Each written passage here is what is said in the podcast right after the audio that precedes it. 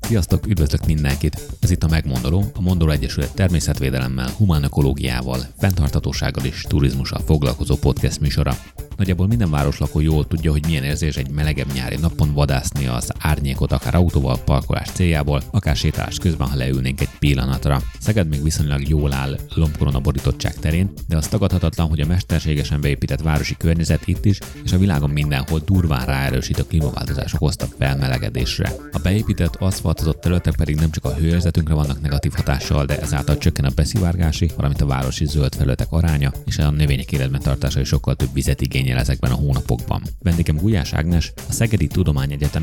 éghajlattani és tájföldrajzi tanszékének adjunktusa, a Város Klímakutató csoport tagja, akinek szakterület a városi humánkomfort, a városi zöld felületek ökoszisztéma szolgáltatásainak és a klímatudatos zöld felületek kialakításának a kutatása. Beszélgetésből kiderül, hogy miért rendelkeznek a városok sajátságos klimatikus adottságokkal, milyen módon befolyásolja a város klímát a zöld felületek arányának a növelése, és hogy milyen innovatív módszerekkel javíthatunk a jelenlegi helyzeten. Az adást Körösi Bogdán készítette.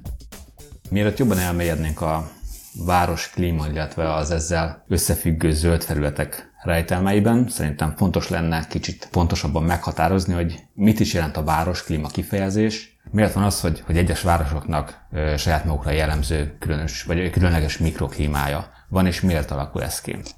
Valóban a, a városok egy kicsit másképp viselkednek energetikai szempontból, mint a külső környezet, ahol az beépítettség sokkal kisebb, és itt elsősorban a beépítettség az elsődleges, a legfontosabb tényező, hiszen a városban nagyon sok olyan anyagot, felszínt használunk, amelyek vízzáróak, egyrészt másrészt teljesen másképp viselkednek az, a beérkező napsugárzási energiával, mint egy, egy sima szántóföld, és ennek következtében, hogyha az energiát másképp köti meg, és másképp sugározza vissza ez a felszín, akkor, akkor értelemszerűen a rajta kialakuló alakuló Elsősorban mikroklíma, de aztán később a nagyobb léptékekben is látunk egy változást. Ezek a változások sok esetben abból adódnak például, hogy ahogy mondtam, az anyag,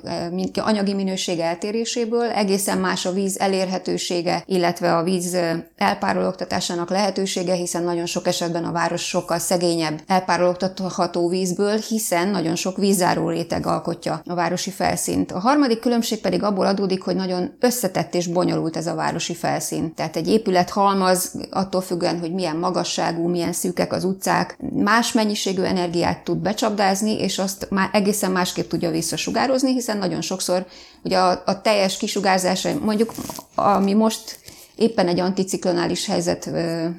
uralkodik a, odakint, és ebben a helyzetben mondjuk egy derült nyá, nyári, téli, teljesen mindegy éjszakán, az energia kisugárzás akkor akadálytalan, hogyha semmi nem korlátozza ezt. Vagyis az égbolt láthatósága az 100%. Ez egy, egy csupasz városon kívüli területen megadódik, és ilyenkor azt is érezhetjük, hogy nagyon erőteljesen és gyorsan megindul a lehűlés a nappali felmelegedés után, és sokkal nagyobb ö, mértékű is ez a lehűlés, mint egy városban. Egy városban, ahol szűk utcakanyonok vannak, ott a mesterséges burkolatok egész másképp raktározták el az energiát, ott viszont ö, ez az éjszakai kisugárzás is egészen másképp alakul. Egyrészt az égbolt láthatósága nagyon sokszor csak néhány százalék, a, főleg a szűk utcakanyonokban ez nagyon kevés is lehet. Ezt az is befolyásolja, hogyha egyébként fa lomkorona takarja a felszínt, és ezért a kisugárzás, a hosszú hullámú energia kisugárzása az akadályozott. Ebből adódik az, hogy egy, mondjuk például egy, egy kánikulai nap után a városban nagyon sokáig megmarad ez a többlethő, a naplemente után is, amíg ha valaki a város szélén vagy városon kívül lakik, akkor ezt érzi, hogy naplemente után elég gyorsan el, alakul ez a hőmérsékleti viszony, és kellemessé kezd válni az este, viszont a városban, főleg a belvárosban, vagy egy nagyon erősen beépített területen, ez akár egész éjjel is megmaradhat ez a hőtöblet, és, és akár az is előfordulhat, hogy mondjuk 30 fok alá nem süllyed az éjszakai minimum hőmérséklet sem a városban. Na ezt a jelenséget hívjuk tulajdonképpen városklímának, ezzel változtatja meg a város a környezetét, vagy a, a közvetlen környezetét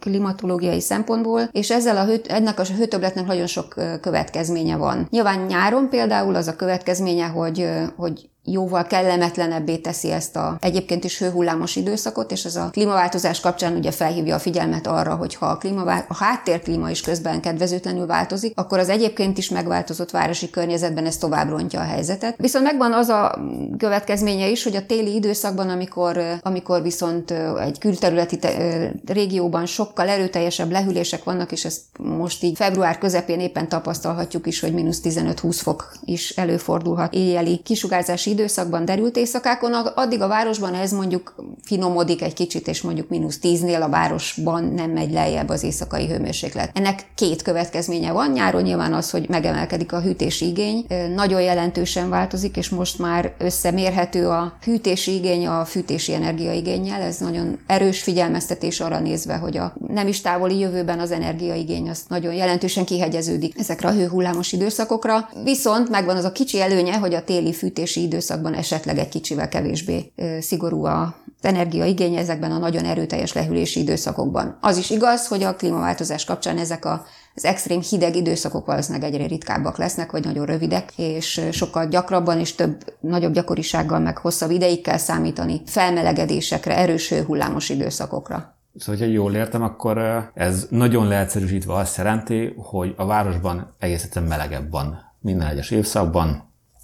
vagy akár minden egyes napszakban, és ugye attól függően, hogy mennyire beépített, vagy mennyire mesterségesen beépített egy adott terület, ez a fajta differencia sokkal jelentősebb. Igen, a beépítettség mértéke növeli ezt a különbséget. Nem neveztük még nevén ezt a jelenséget, ez a városi hősziget jelensége. A klasszikus felszín közeli hőmérsékletben tapasztalt hősziget jelensége, ami a felszín közeli, tehát ott, ahol a város lakó egyébként közlekedik, ennek a, a, a térségnek a hőmérsékletét emeli meg elsősorban a naplemente környék, és azután néhány órával tapasztalható ez a maximum, de nagyon sokszor olyankor, amikor csendes, anticiklonális időszak van, akkor ez egész éjjel is fennmaradhat. Kicsit oldódik a, a különbség, de, de fennmaradhat, fennmaradhat egész éjjel, és a, most már egész könyvtárnyi szakirodalma van ennek a városklíma jelenségnek, a tanszékünk is hosszú évtizedek óta foglalkozik ez, ilyen jellegű kutatásokkal, és ezek kimutatták, hogy a városoknak a beépítettség mértéke, illetve hát tulajdonképpen a lako- ebből összefüggő, ezzel összefüggésben a lakosság számával szoros összefüggésben áll ennek a hősziget intenzitásnak a mértéke. Ezek a jelenségek akkor erősödnek fel igazán, amikor amikor nem nagyon intenzív a ciklonális tevékenység, Ugye, hogyha érkezik egy erős ciklon, ami nagy széllel jár, akkor az erős átkeveredést okoz, és ilyenkor ezek a kisebb léptékű klimatikus jelenségek, ezek is általában átkeverednek és eltörpülnek vagy elvésznek. De például egy olyan helyzetben, amit most tapasztalunk, vagy nyári hőhullámos időszakokban, amikor hosszú napokra, esetleg hetekre is beáll ez a, ez a tiszta, derült időszakos anticiklonális helyzet, akkor viszont nagyon erősen ki tudnak alakulni. Méréseink szerint Szegeden, ami ugye nem egy nagyon nagy város, Szegeden ez a különbség hőmérséklet akár 7 és 8 Celsius fokig is elmehet, tehát a, az igazán fő csúcsidőszakában a, a hősziget kifejlődésnek a városon kívül és a városon belüli nagyon erőteljes beépítettségű, mondjuk belvárosi vagy lakótelepi területeknek akár 8 Celsius fokkal is melegebb lehet a hőmérséklete a városon kívülieknél. Szegeden belül hol vannak ezek a nagyon erős hőszigetek, hol alakulnak ki ezek leginkább? Szeged hotspotjai ezek alapján a belváros, mint erős beépítettség, és szűk utcakanyonok nagyon hát, nagy beépítettségi sűrűség, illetve a lakótelepi környezetek, annak ellenére, hogy ott egy kicsit nagyobbak a zöld feleti arányok, de a beépítettség jellege, jellegéből adódóan ott szintén nagyon erős hősziget jelenségeket tapasztaltunk. Évszakos különbség tehát abból adódhat, hogy mondjuk egy ilyen nyugodt-téli időszakban, amikor nem üli meg a Kárpát-medencét egy, egy felszín közeli felhőzet, vagy a köd, ugye Szegeden ez is gyakran előfordul, mivel itt vagyunk az Alföld legalján, hanem ilyen napsütéses időszak van, akkor szint teljesen ugyanúgy ahhoz hasonlóan, ahogy a nyári időszakban ezek a jelenségek jól ki tudnak fejlődni, de a legkritikusabb az mindig a nyári időszak, és az átmeneti időszakok, ahol a ciklonális tevékenység erőteljesebb, nagyobb szelek jellemzők esetleg, tehát a tavasz és a téli ott pedig egy kicsit, vagy őszi ott pedig egy kicsit kisebb a kialakulás valószínűsége, vagy rövidebbek ezek az időszakok, amikor erre alkalmas az idő. Igen, azt talán mindenki érezte már a saját bőrén, hogy milyen kellemetlen az, amikor nyáron a szokottnál jóval melegebb van. Viszont közben elgondolkodtam, hogy van-e annak valamilyen negatív ökológiai jelentősége, hogy a tél az enyhébb ugyanolyan rossz, mint az, hogy a nyár sokkal melegebb, vagy, vagy ez kevésbé problémás a természet számára? Ha csak nagyon nagyon város szempontúan nézzük, akkor ez tulajdonképpen nem feltétlenül kedvezőtlen változás, hiszen ahogy már említettem, a, a fűtési igényt egy picivel tudja csökkenteni, viszont ökológiai szempontból még a városban sem kedvező különösebben a, az enyhébbé váló teleknek a jelensége, hiszen az enyhébbé váló tél Magyarországon például, különösen az Alföldön azt jelenti, hogy a csapadék, ami egyébként is kevesebb a téli időszakban, az általában eső formájában hull és nem hóformájában. A beszivárgásban sokkal kisebb vagy kedvezőtlenebb lehet. Az alföldi területeken talán nem is annyira, hiszen a síkságon egy kicsit más a, a csapadék lefolyása, viszont egy például egy kicsit élénkebb reliefű dombsági területen már a az eső vagy a folyékony csapadékból sokkal több, ami lefolyik, és sokkal kevesebb, ami beszivárog, míg egy lassan olvadó hó természetesen sokkal kedvezőbben pótolja a hiányzó talajnedvességet, amik általában a nyári asszályos időszakokban viszont kritikusan lecsökkennek. Ez az egyik. Nyilván az enyhébb idő még akkor is, hogyha ez, ez azért nem jelent nagyon jelentős meleget, de azt jelenti, hogy néhány fokkal a szokásosnál vagy az átlagosnál enyhébb, ez a párologtatást is, vagy a párolgást is megemeli, ami tovább rontja ezt a vízmérleget, ami a nyári időszakban egyébként is mondjuk kritikusan le tudott csökkenni. Tehát általában véve ökológiai értelemben nem nevezném kedvezőnek a tél nagyon jelentősen enyhébbé válását, mind a mellett, vagy mindazzal együtt, hogy egyébként meg mégiscsak a Kárpát-medence, medence jellegéből és a, az egyéb ilyen klimatus sajátosságokból adódóan ilyen extrém hidegek, mint amik most itt február közepén is előfordulnak, ezek viszont bebetörnek a Kárpát-medencébe, elő tudnak fordulni. Tehát nagyon nehéz a növényzetnek vagy az ökológiai viszonyoknak alkalmazkodnia egy olyan helyzethez, amikor időnként előfordulhatnak néhány napig mínusz 25 fokos hidegek, miközben generál pedig a, a téli hőmérsékletek is enyhén megemelkednek. Ha már ökológiában gondolkodunk, az az, hogy, hogy elmaradnak, vagy nem a szokásosként alakul a, a téli lehűlés, az például sokszor a, a kártevőkre is hatással van, tehát egy városi, mondjuk ha zöldfeletben gondolkodunk, akkor a városi zöldfeletek kártevői is egy enyhébb télen mondjuk nem pusztulnak ki, vagy sokkal élénkebb lesz, vagy erőteljesebb lesz az első tavaszi gradáció, vagy az első tavaszi szaporodási lehetőségük, hogyha a, a bábok, akik a, mondjuk az avarban teleltek át, azok nem fagynak át, és nem pusztul el az első generáció potenciálisan, tehát ez az, ennek nagyon sok folyamánya van a városi környezetre nézve is. Amikor beszélgettünk még erről az interjúról, illetve arról, hogy miről kéne pontosan beszélni, akkor említettél egy termikus humán komfort kifejezést. Ez mit jelent pontosan? Igen, ez a, tulajdonképpen ez a szükebben vett tudomány, vagy a kutatási területem, ami azzal foglalkozik a város klímából kiindulva, hogy a, a városban élő és itt megforduló lakosságnak milyen, vagy lakosságra milyen hatással van ez a megváltozott városi környezet klimatikus szempontból. A termikus humán komfort teljesen tükörfordításban tehát azt jelenti, hogy a városi megváltozott hőmérsékleti körülmények például milyen hatással vannak a városlakókra. Ez azért érdekes, mert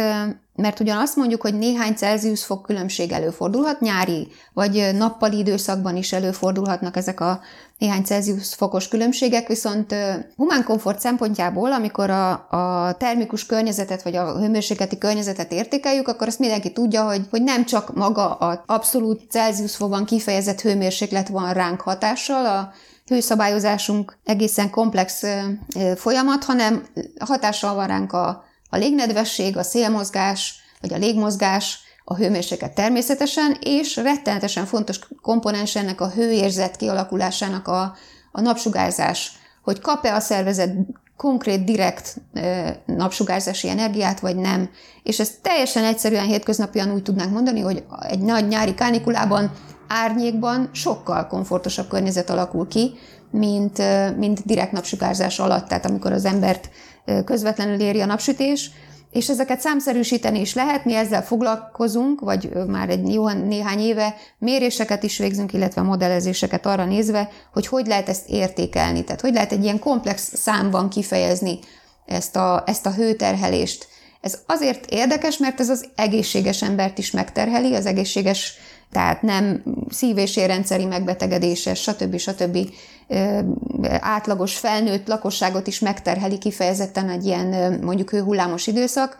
és ennek a terhelés mértékének a számszerűsítésével adhatunk tanácsokat a várostervezésnek arra nézve, hogy hogyan tudja javítani a városi környezetet, hogy tudja élhetőbbé tenni a, a közterületeinket például azzal, hogy ugye most a covidos időszakban különösen fölértékelődtek ezek a városi közterületek, amelyeken nagyon sokszor nem is volt lehetőségünk máshol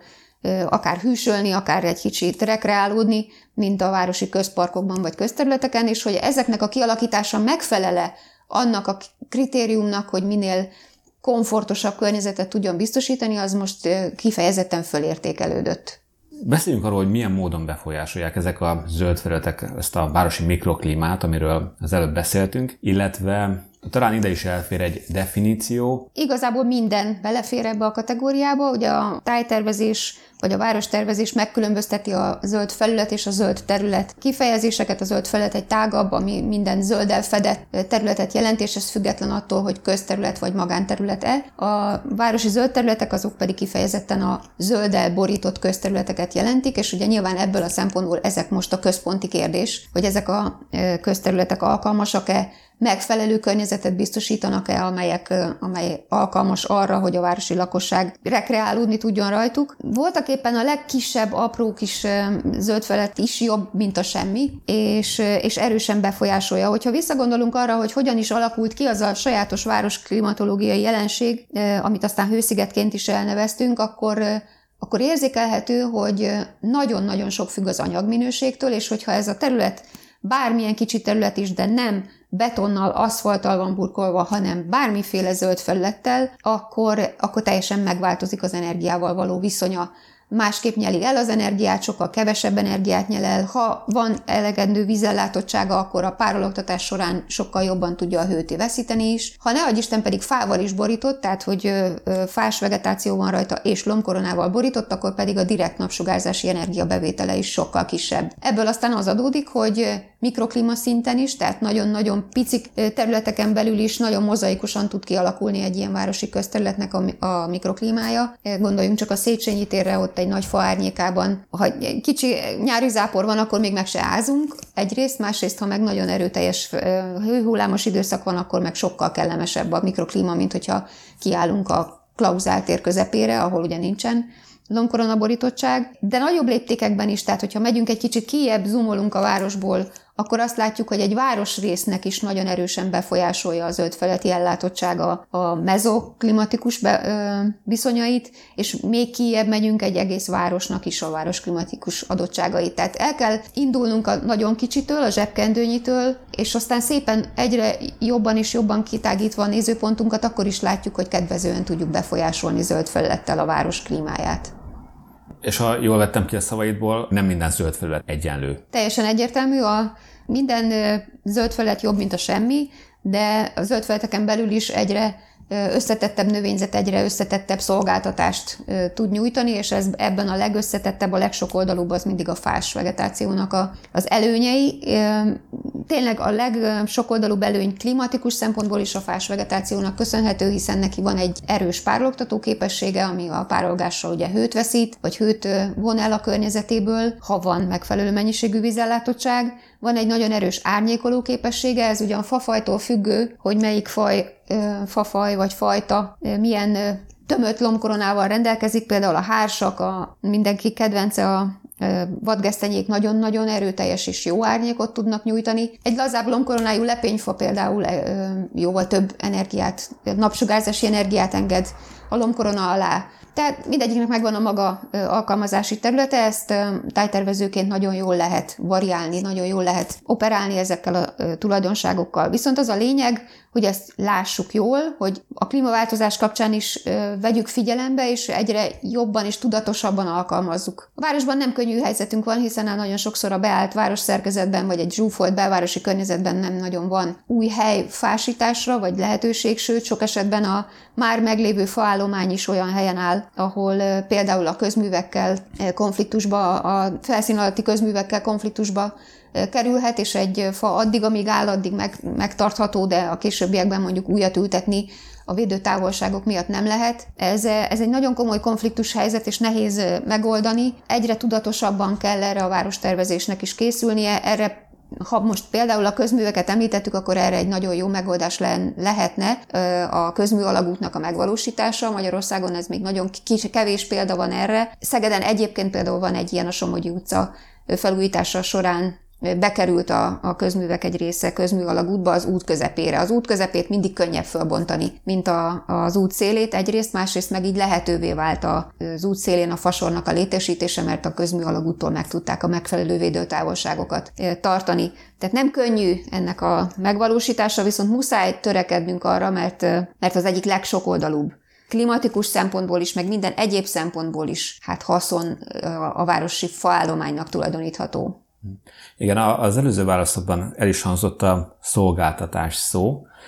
Ugye, hogyha nagyon leegyszerűsítjük ezt az egészet, akkor a beépített mesterséges környezet növeli, a zöld felület pedig csökkenti a hőmérsékletet a városban, viszont egy-egy ilyen zöld felület, pláne hogyha fás vegetáció van rajta, azért sokkal többet nyújt annál, mint hogy csökkenti a hőmérsékletet. Mik azok a szolgáltatások, amiket ezeknek a területeknek köszönhetünk? Nagyon-nagyon széles a köre ezeknek a szolgáltatásoknak. Egy részük az kifejezetten környezeti szolgáltatás, ugye kezdődik a klímabefolyásolással, aztán folytatódik azzal, hogy egy város vagy egy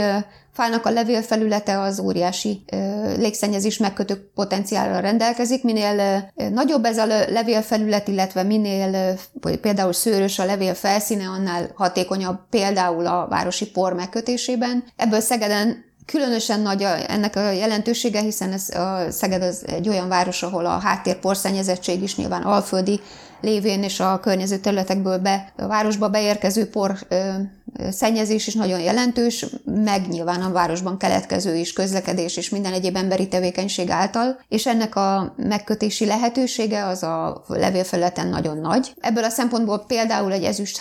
hárs az kifejezetten nagy potenciállal rendelkezik, vagy egy, gondoljunk egy óriási Széchenyi téri platánra, egy nagy Széchenyi téri platánnak körülbelül egy standard fotballpálya méretű levélfelülete van, ami, amilyen ezeknek a légszennyezési komponenseknek a megkötésében hatalmas potenciálra rendelkezik. De nem csak légszennyezési anyagok tudnak megkötődni ezen a levélfelületen, hanem a csapadék is. Eh, ahogy az előbb említettem, hogyha csak egy kicsi gyors nyári zápor van, és éppen a Széchenyi téren ér minket ez a zápor, akkor nyugodtan beállhatunk egy nagy platán vagy egy, vagy egy hárs alá, ha nincs is nálunk esernyő, mert mert jó eséllyel nem ázunk meg, hiszen a levél felületen fönt ragad a csapadéknak egy jelentős része, ezt lehet mérni is, és ez kifejezett, egészen meglepő számok jönnek ki erre, hogy milyen hatalmas köbméterek azok, amelyek fent tudnak maradni ezen a lombfelületen, és ennek akkor van igazából érdekessége egyrésztről, mert ez a víz mennyiség, ami ezeken a lomboz, ezen a lombozaton fennmarad, ez a későbbiekben szépen lassan párolog el, és javítja utána még akár napokig a környezetnek a, a mikroklímáját, tehát megint oda adunk ki, hogy kedvezőbbé válik a fa környezetében a mikroklíma. Másrésztről viszont például, ha ezt tényleg ki tudjuk számolni, már pedig ki tudjuk, mert mi is foglalkozunk ezzel ilyen modellezési eljárásokkal, hogy ez hány köbmétert jelent, akkor az a köbméternyi lezuduló vízmennyiség az például nem terheli akutan, akkor hirtelen a, a csatorna rendszert. És a klímaváltozásnak az is egyfajta hatása, egyre inkább látjuk, hogy a nyári csapadékok is nem szépen egyenletesen elosztva, hanem, hanem mondjuk két-három nagy zápor vagy zivatar alkalmával érkeznek meg. Sajnos ez azt is jelenti, hogy a, a nyáron hulló csapadéknak egy jelentős része ilyen villámárvizek vagy villámcsapadékok alkalmával érkezik meg, és hogyha egy jól működő nagy lombkorona tömeggel találja magát szemben, akkor ezzel tudjuk csökkenteni azokat a károkat, amelyeket például egy ilyen hirtelen lezuduló csapadék okozni tud. Egy jól működő városi faállomány az 150-nel kevesebb elöntött pincét jelent, most ezt nagyon egyszerűen fogalmazva, ennyivel kevesebb biztosítási ügyet. Ezek a környezeti szolgáltatások, és akkor természetesen van hozzá még egy csomó olyan szociális szolgáltatás, ami kimérhető, több publikáció is foglalkozik azzal, hogy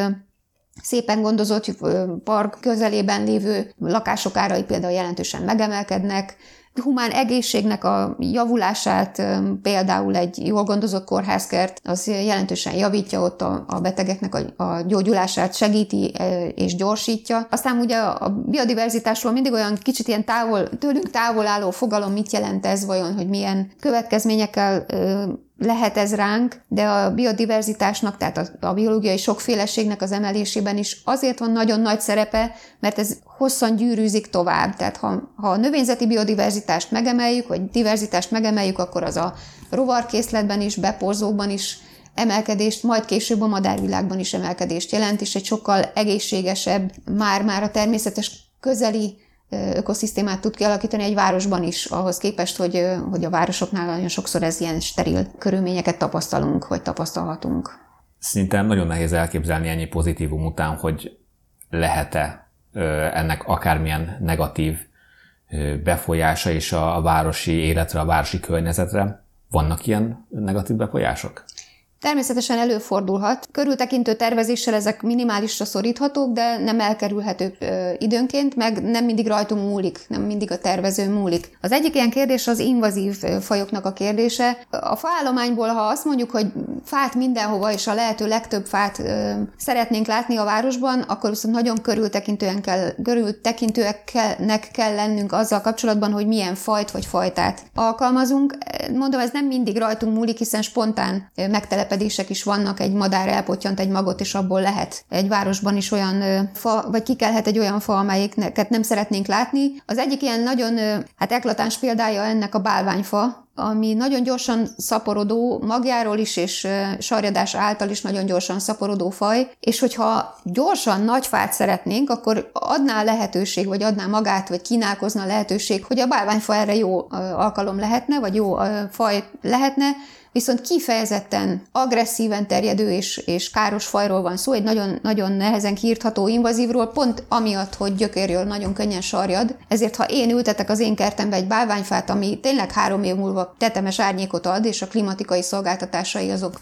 közelítenek egy 20 éves hárséhoz, viszont rászabadítom a fél utcára valószínűleg ezzel a, az ördögöt, hiszen az ő gyökér sarjadása az nagyon, nagyon intenzív tud lenni. Különösen akkor egyébként, hogyha egy, egy bálványfát csak úgy egyszerűen hirtelen kivágnak mondjuk egy építkezés miatt, akkor a talaj alatt futó alvórügyeiről, gyökérzetén futó alvórügyeiből hihetetlen mértékű sarjadást tapasztalunk, és ez el tud letni egy egész utcát is akár, vagy egy egész utcának a zöld sávját sarjakkal, ami nyilván nem szerencsés. Nagyon erősen károsítják az ilyen élőhelyek a természetes élőhelyeket. Most itt az Alföld területén látunk időnként ilyen sarjerdőket, amik a természetes környezetben is, de például egy karstos területen, egy, egy értékes karszbokor erdőnél, vagy egy, vagy egy sziklagyepnél nagyon-nagyon káros természetvédelmi következményei vannak a bálványfa sarjadásnak. Tehát nagyon kell vele vigyázni, hogyha lehet, akkor ezt ne szabadítsuk rá a, a, se a városra, se a környezetére, de van egy nagyon érdekes faj, fajta a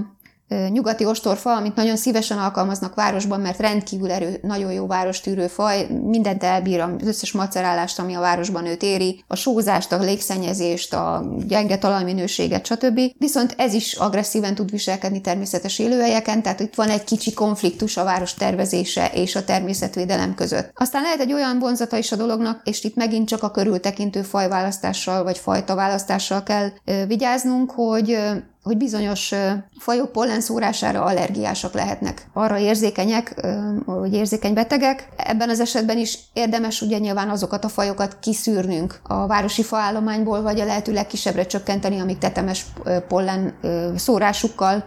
ilyen problémákat okozhatnak mindig konfliktust okoz, főleg egy ilyen ártéri városban a nyár, hiszen a nyárnak ez a ö, repítőkészülékes magja, ez sokak számára irritáló, bár nem konkrét allergizáló, de valóban a nyálkahártyát irritálja akkor, amikor itt májusban tömegével szaporodik. Igazából a nyárfa viszont nagyon jó egy ilyen ártéri városnál, vagy ártér folyóparti városnál viszont kifejezetten előnyös lehet, gyors növekedésű, igaz, hogy viszonylag hamar el is éri az életének azt a fajta végét, amikor podvasodásra hajlamos esetleg. Ezt a városi faállományt kezelők és karbantartók jól tudják, hogy egy nyárat mondjuk meddig lehet hagyni a városban növekedni, élni, amikor még nem baleset veszélyes, de az ütemes növekedésével meg hamar el tudjuk érni azokat a szolgáltatásokat, amiket a városlakók számára szeretnénk. Tehát ilyen hátrányok előfordulnak, ezeket sajnos nem lehet kiszűrni természetesen, vagy teljes egészében nullára redukálni, de mindig meg kell találni azt az egyensúlyt, ami a pozitív szolgáltatások és az esetleges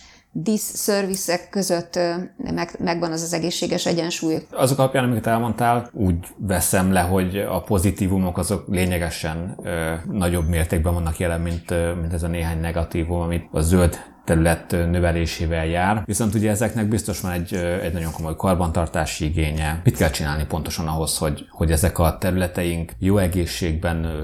sokáig megmaradjanak, és tényleg azokat a szolgáltatásokat nyújtsák nekünk, amiért mi betelepítettük őket a városba? Valóban nagyon nagy munka, és nem kis anyagi ráfordítás, ami nehézé is teszi nagyon sokszor a döntéshozó számára is az érvelést, hiszen az anyagi ráfordítás az mindig aktuálisan nála jelentkezik, viszont az úgynevezett haszon az sokszor nehezen kifejezhető pénzben, hiszen hogy fejezzem ki pénzben azt az értéket, hogy sokkal szebb, sokkal egészségesebb, sokkal kevésbé szennyezett, ezeknek a pénzbeli kifejezésére már vannak törekvések, illetve vannak olyan módszerek, amelyekkel próbálkozunk, mert ezek az érvelések, ezek segítenek abban, hogy hajlamosabb legyen a döntéshozó is áldozatokat hozni egy ilyen jó, jó minőségű zöldfeletnek. Egyáltalán nem könnyű, és azért nem könnyű, mert a városi környezet, ahogy mondtam, klimatikusan is, meg minden egyéb szempontból is egy nagyon-nagyon megváltozott és nagyon ökológiailag nagyon rossz adottságú környezet, amiben az élővilágnak is meg kell találnia valahogy az élet lehetőségeit, és ez a sok-sok atrocitás, ami a városban például egy zöld feletet éri, az megnehezíti az ő életét. Kezdjük a téllel, ahol ugye sózás következik be időnként, bár itt mondjuk éppen mondtuk, hogy a városi környezetben lehet, hogy nem is annyira lesz extrém a hideg, de nagyon, rossz a, nagyon sokszor nagyon rossz a vízellátottság, hiszen a, vízzáró rétegekről, betonról, aszfaltról lefolyó víz azonnal a csatorna hálózaton keresztül eltávozik a rendszerből, és nagyon kevés szivárok be, mivel a városi talaj egyébként is egy gyenge adottságú talaj, tehát általában tömörödött, még hogyha fedetlen is ilyen vízzáró réteggel, akkor is nagyon sokszor nagyon rossz víz beszivárogtatási tulajdonságú, és innen folytatva aztán a nyári időszakban meg ugye egészen kritikusan ki tud száradni a, a városi környezet, és ilyenkor városi zöld fölletet életben tartani öntözés nélkül szinte lehetetlen. Manapság különösen, ez a Kárpát-medencében már régóta látszik, ugye nagyon sok helyen ki is van építve egy ilyen öntöző rendszer, ami viszont a fenntarthatóság elveinek nehezen, el, nehezen megfeleltethető, hiszen ha ezt csapadék vagy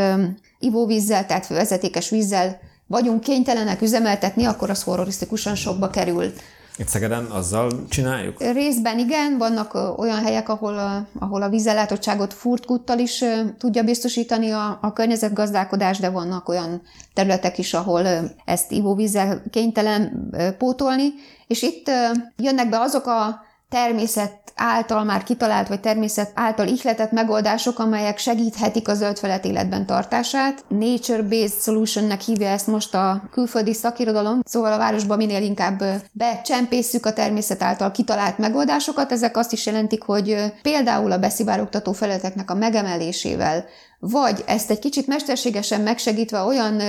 csapadékvízgyűjtő kapacitásoknak a felszín alá való behelyezésével, amelyek aztán a szárazabb időszakokra eltárolják nekünk ezt a csapadékvizet, ezek nagyon sokat jelenthetnek és használhatók direktben mondjuk a, a zöld feltek öntözésével. Végeztünk olyan számítást, mindenki tudja, el tudja képzelni, aki Szegedi a Duganis tér és környéke nagyon kedvelt, nyáron sokan hűsölnek a zenélő szökőkút környékén, már amennyire ott a hűsölésre alkalma nyílik a ugye kicsi árnyékolási terület, vagy a lomkorona miatt, de minden esetre nagyon kedvelünk, kedveli a, a Szeged lakossága ezt a területet, gyakran és intenzíven használja, és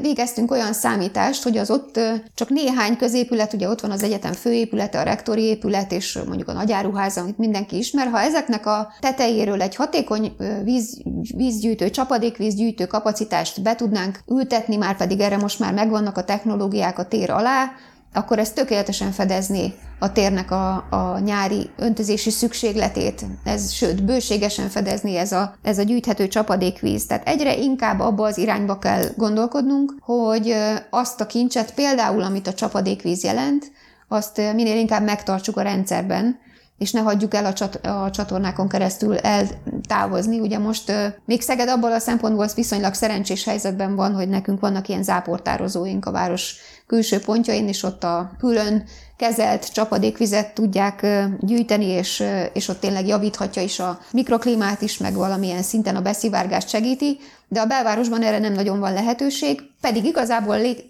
technológiák léteznek már rá, amelyekkel ilyen egészen érdekes moduláris csapadékvízgyűjtő rendszereket lehet be rejteni a, területek, belvárosi területek alá is. Most ugye folyik a Széchenyi tér felújításának a tervezése, és itt a tervező például nagyon-nagyon előre gondolkodott, vagy a tervezők nagyon előre gondolkodtak, és, és be is terveztek egy ilyen csapadékvízgyűjtő rendszert a Széchenyi tér alá, hiszen a Széchenyi tér egy annyira frekventált központi hely Szegednek, amit nem lehet elképzelni tényleg igényes, szép, jó kialakítású zöld felett nélkül, ezt pedig öntözés nélkül gyakorlatilag nem lehet ma már életben tartani.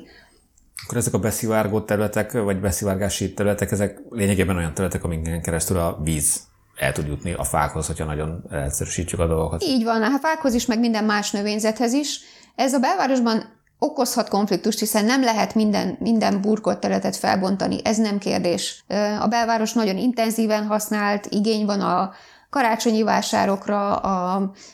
nyári fesztiválokra, ahol nagyon sok, sok ember egyszerre megfordul egy adott területen, ott nem lehet sár. Ez természetes, viszont ma már megvannak azok a technológiák, és ebből egy párat láthatunk is egyébként a múzeum előtti felújításnál több olyan felület is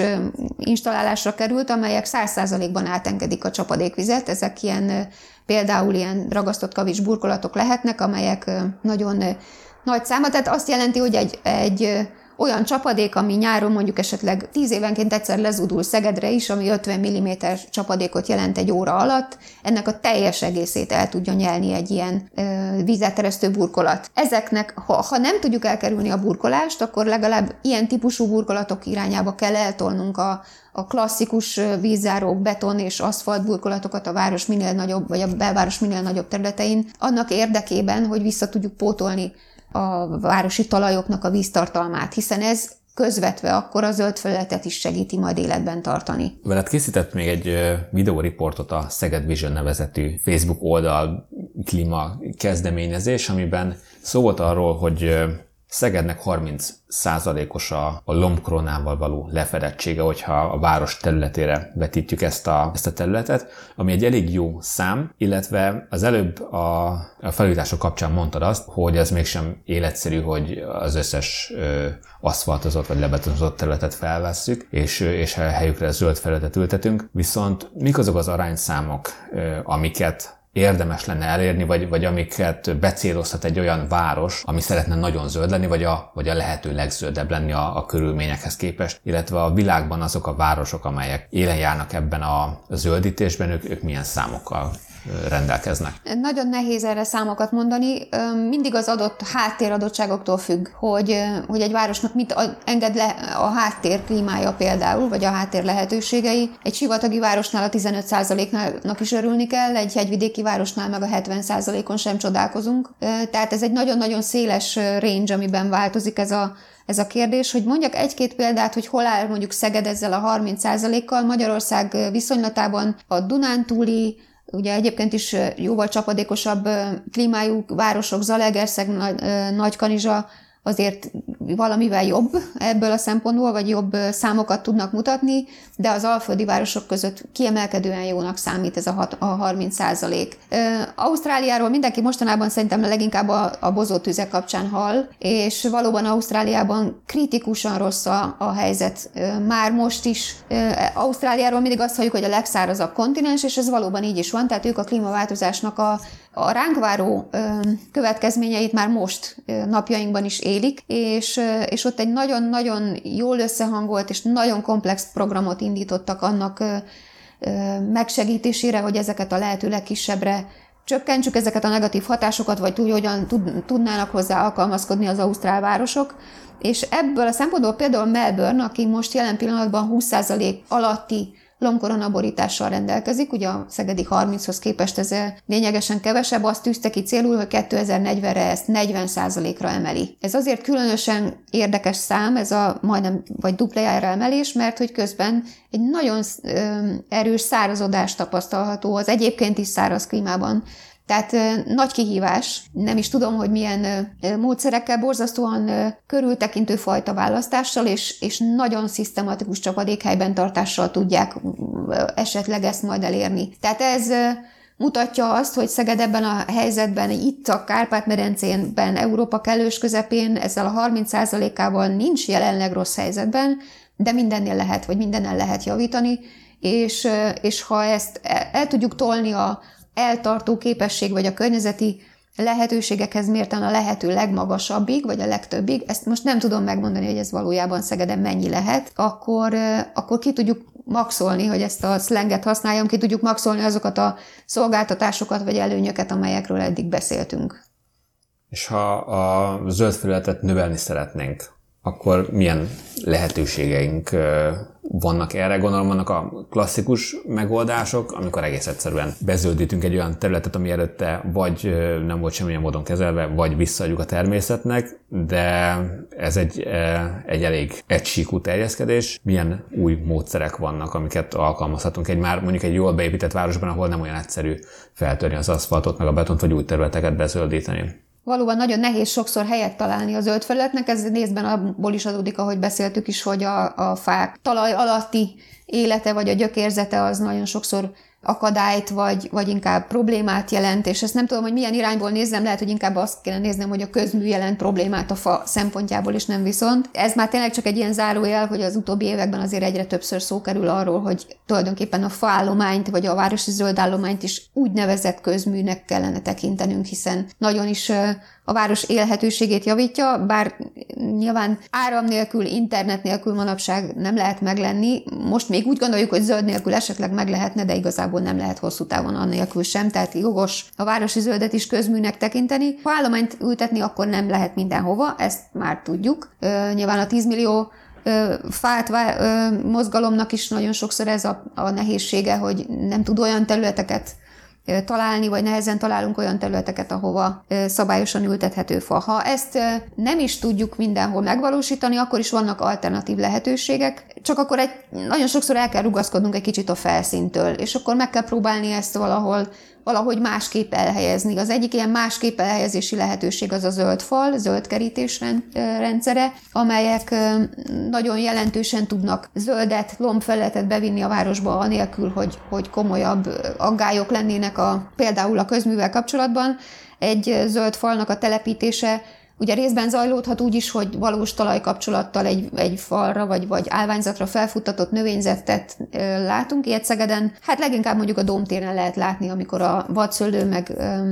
felfut a, a domtér patinás épületeire, ami nagyon-nagyon szép, és tényleg egyébként jelentős lombfelületet is jelent, alomfelület összes pozitív szolgáltatásával együtt, de lehetséges úgy is zöld falat elképzelni, hogy ezt ültető közeget is fölvisszük a falra, erre is megvannak a megfelelő technológiák. Nálunk egy kicsit kevésbé alkalmazottak, nyilván az árából is adódik időnként, vagy azért, mert mondjuk a, a technológiát alkalmazó cégek még kicsit kisebb számban vannak jelen, mint például Ausztriában, de erre is van lehetőség, és akkor ezzel nagyon jelentősen lehet javítani egy, egy épületnek például a mikroklímáját. De ha zöld faltól még egy kicsit följebb megyünk, akkor zöld zöld tetőknek a létrehozására is lehetőség van, és ezzel a zöld felett növelést egész jelentősen meg tudnánk emelni. Az éppen aktuálisan folyó kutatásaink arra irányulnak, hogy megnézzük potenciálisan Szeged területén, hogy mekkora zöldítésre alkalmas tetőknek az aránya. Ugye elsősorban lapos vagy nagyon kicsi dőlésszögű tetők azok, amelyek zöld felett, vagy zöld tető létesítésére alkalmasak lehetnek, abból pedig Szegeden bőven van, hiszen az összes panelépületünk azok gyakor, az gyakorlatilag lapos tetővel rendelkezik, és aki 8., 9., 10. emeleten lakik egy ilyen panelban, az tudja, hogy azoknak a lakásoknak a, a nyári klímája az valóban nem túl kedvező, és szinte már légkondicionálás nélkül nem is nagyon lehet megmaradni ezekben a lakásokban a nagy nyári nyári kánikulákban, noha egy egyszerű zöldtetővel is nagyon jelentősen lehetne javítani. Tehát el lehet indulni abból az irányból is, hogy ezek az alternatív elhelyezkedésű zöld földeteket mondjuk épületenergetikai szempontból valósítjuk meg. Egy panelház közössége a, mondjuk a panel szigetelési program mellett összefog és, és létrehoz egy ilyen egyszerű extenzív zöldtetőt, amihez nem kell statikailag megerősíteni az épületet, ezek úgy vannak tervezve, hogy ezt a, ezt a 10 centis ültetőközeget és egy kis ilyen félsivatagi növényzetet kibír, vagy elbír. Nyilván itt a vízszigetelést kell megoldani körültekintően, hogy nehogy véletlenül beázzon a felső emeleti lakás, és utána hihetetlen mértékű javulást tapasztalhatunk a felső egy-néhány emeletnek a mikroklimatikus adottságaiban. Ez a téli lehűlést is, meg a nyári felmelegedést is jelenti. Tehát vannak ilyen alternatív módszerek, amikkel lehet akkor is zöld felületet növelni, hogyha egyébként faültetésre nincs lehetőség. Van arra példa itt Szegeden, hogy panellakások legfelső szintjét beültették ilyen zöld felülettel? Én panellakásról nem tudok, de lehet, hogy van, csak mondjuk ez nem jelenik meg olyan adatbázisban. Vannak zöld tetőink, amelyek például a, a marstéri csarnokok mindegyikének van legalább a tető egy részén zöld borítás, az agóra tetején is van egy ilyen félsivatagi növényzettel egy ilyen zöld borítás, tehát elvétve előfordul ma már Szegeden is ilyen jó példa, de nem túl gyakori egyébként. Ugye ennél egy, egyel bonyolultabb, összetettebb, és ott már statikailag is kicsit komplexebb kivitelezést igényel az, hogyha egy intenzív zöldtető kerül föl a, a tetőre, ami vastagabb ültetőközeget jelent, és oda akár fák is ültethetők. Ezeket mondjuk, hogyha járt már valaki a West End bevásárlóközpontnak a tetején, ott egy ilyen zöldtetőt valósított meg a beruházó, és egészen elképesztő, tényleg ilyen kis oázist varázsoltak ott a belváros kellős közepére, a nyugati pályaudvar mellett. A beszélgetés során azért kiderült, hogy ahhoz, hogy egy város nem csak megfelelő méretű, de megfelelő biodiverzitással rendelkező, megfelelő fajokkal rendelkező zöld felületeket kapjon, ahhoz nagyon komoly szaktudás, meg nagyon sok szakember együttműködése szükséges. Viszont, hogyha valaki úgy dönt, hogy szeretné segíteni ezt a munkát, vagy, vagy szeretne a saját kis házatáján úgymond javítani ezeneken az állapotokon, akkor milyen lehetőségei vannak egy, egy magánszemélynek? Szerintem az egyik legfontosabb az az információ, tehát hogy eljussanak olyan jó példák, információk, bekerülési költségek, kontra megtérülés számok a lakossághoz is, amelyek, amelyek alapján megbátorodik a lakosság ezzel kapcsolatban. Ez részben egyébként a, az önkormányzat felelőssége is, tehát hogyha célunk ez a, ez a fajta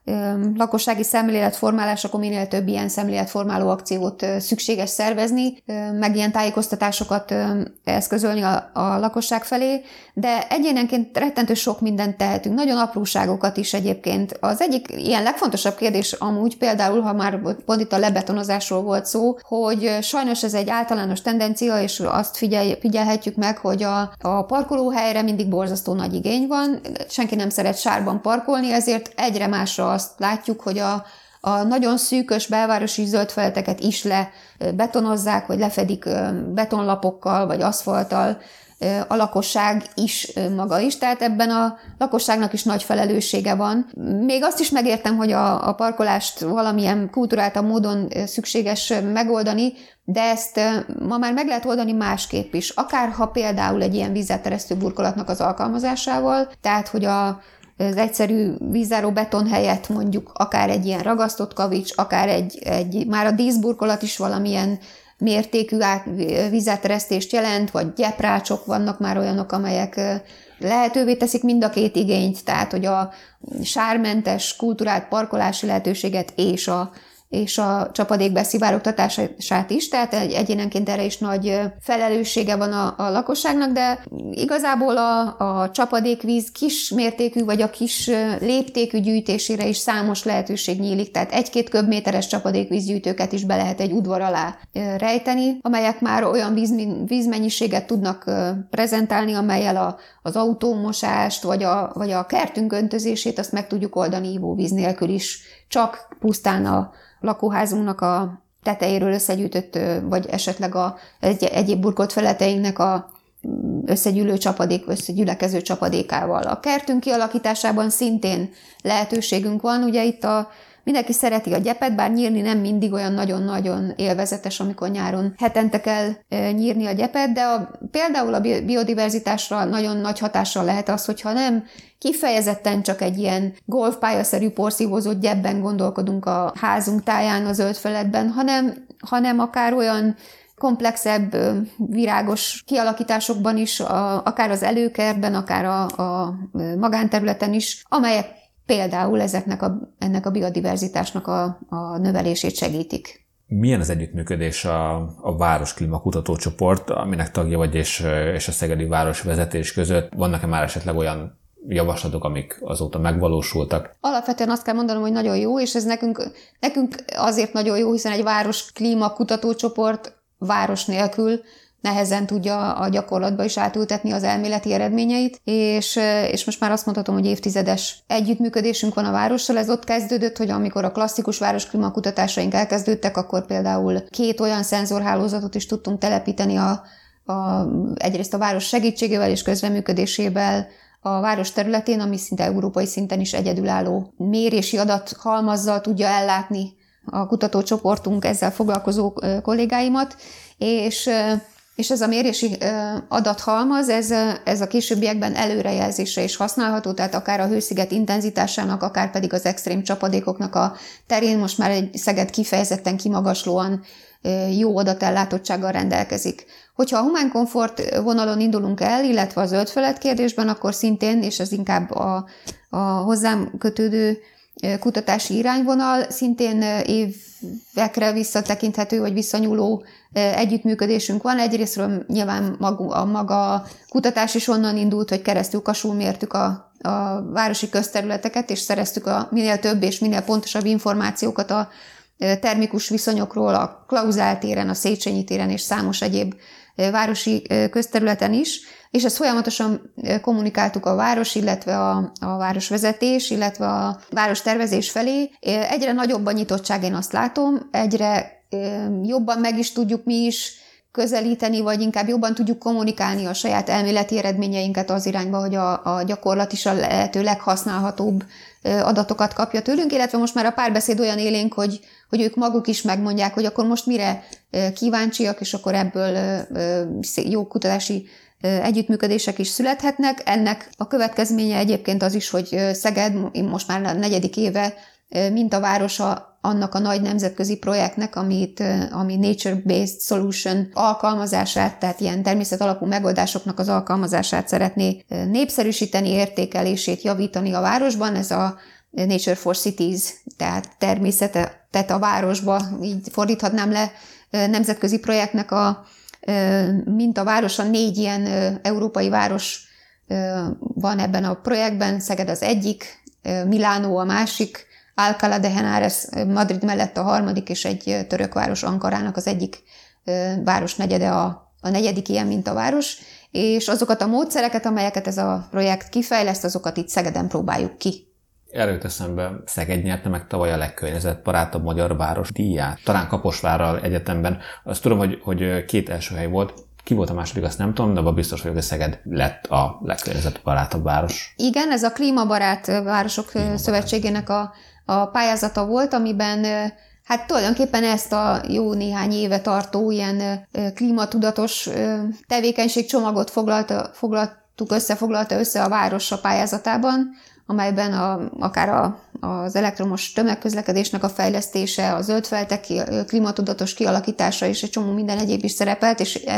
ezen a pályázaton nyert első díjat. Akik érdeklődnek a téma iránt, azoknak jó hír lehet, hogy a Nature's for Cities projekt keretén belül elkészítettetek egy, egy öt videóból álló dokumentumsorozatot, aminek az első része már elérhető. Erről mondj néhány mondatot, kérlek. Az volt a célunk, hogy olyan jó példákat mutassunk be, illetve hívjuk fel a figyelmet ezekre a szemléletformálásban még egy picit talán hátrébb lévő dolgokra, amelyek a, akár a az alternatív zöld felületek elhelyezése, akár a vízbeszivárogtatás és a városi helyben víz, víz, fenntartható vízgazdálkodás kérdése, amelyek Szegeden tetten érhetők, és Szegeden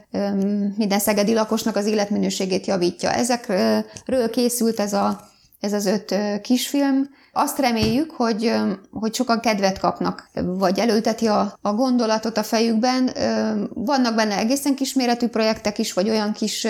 kis projektek is, amelyek tényleg szinte bármelyik iskola, óvoda közössége számára megvalósíthatók, és nagyon jelentős javulást érhetünk el számos ponton egyébként a, a gyerekek közvetlen környezetében. Aztán vannak benne nagyobb léptékűek is, amikor, amikor vízbeszivárogtatásról vagy biodiverzitás növelésről van szó,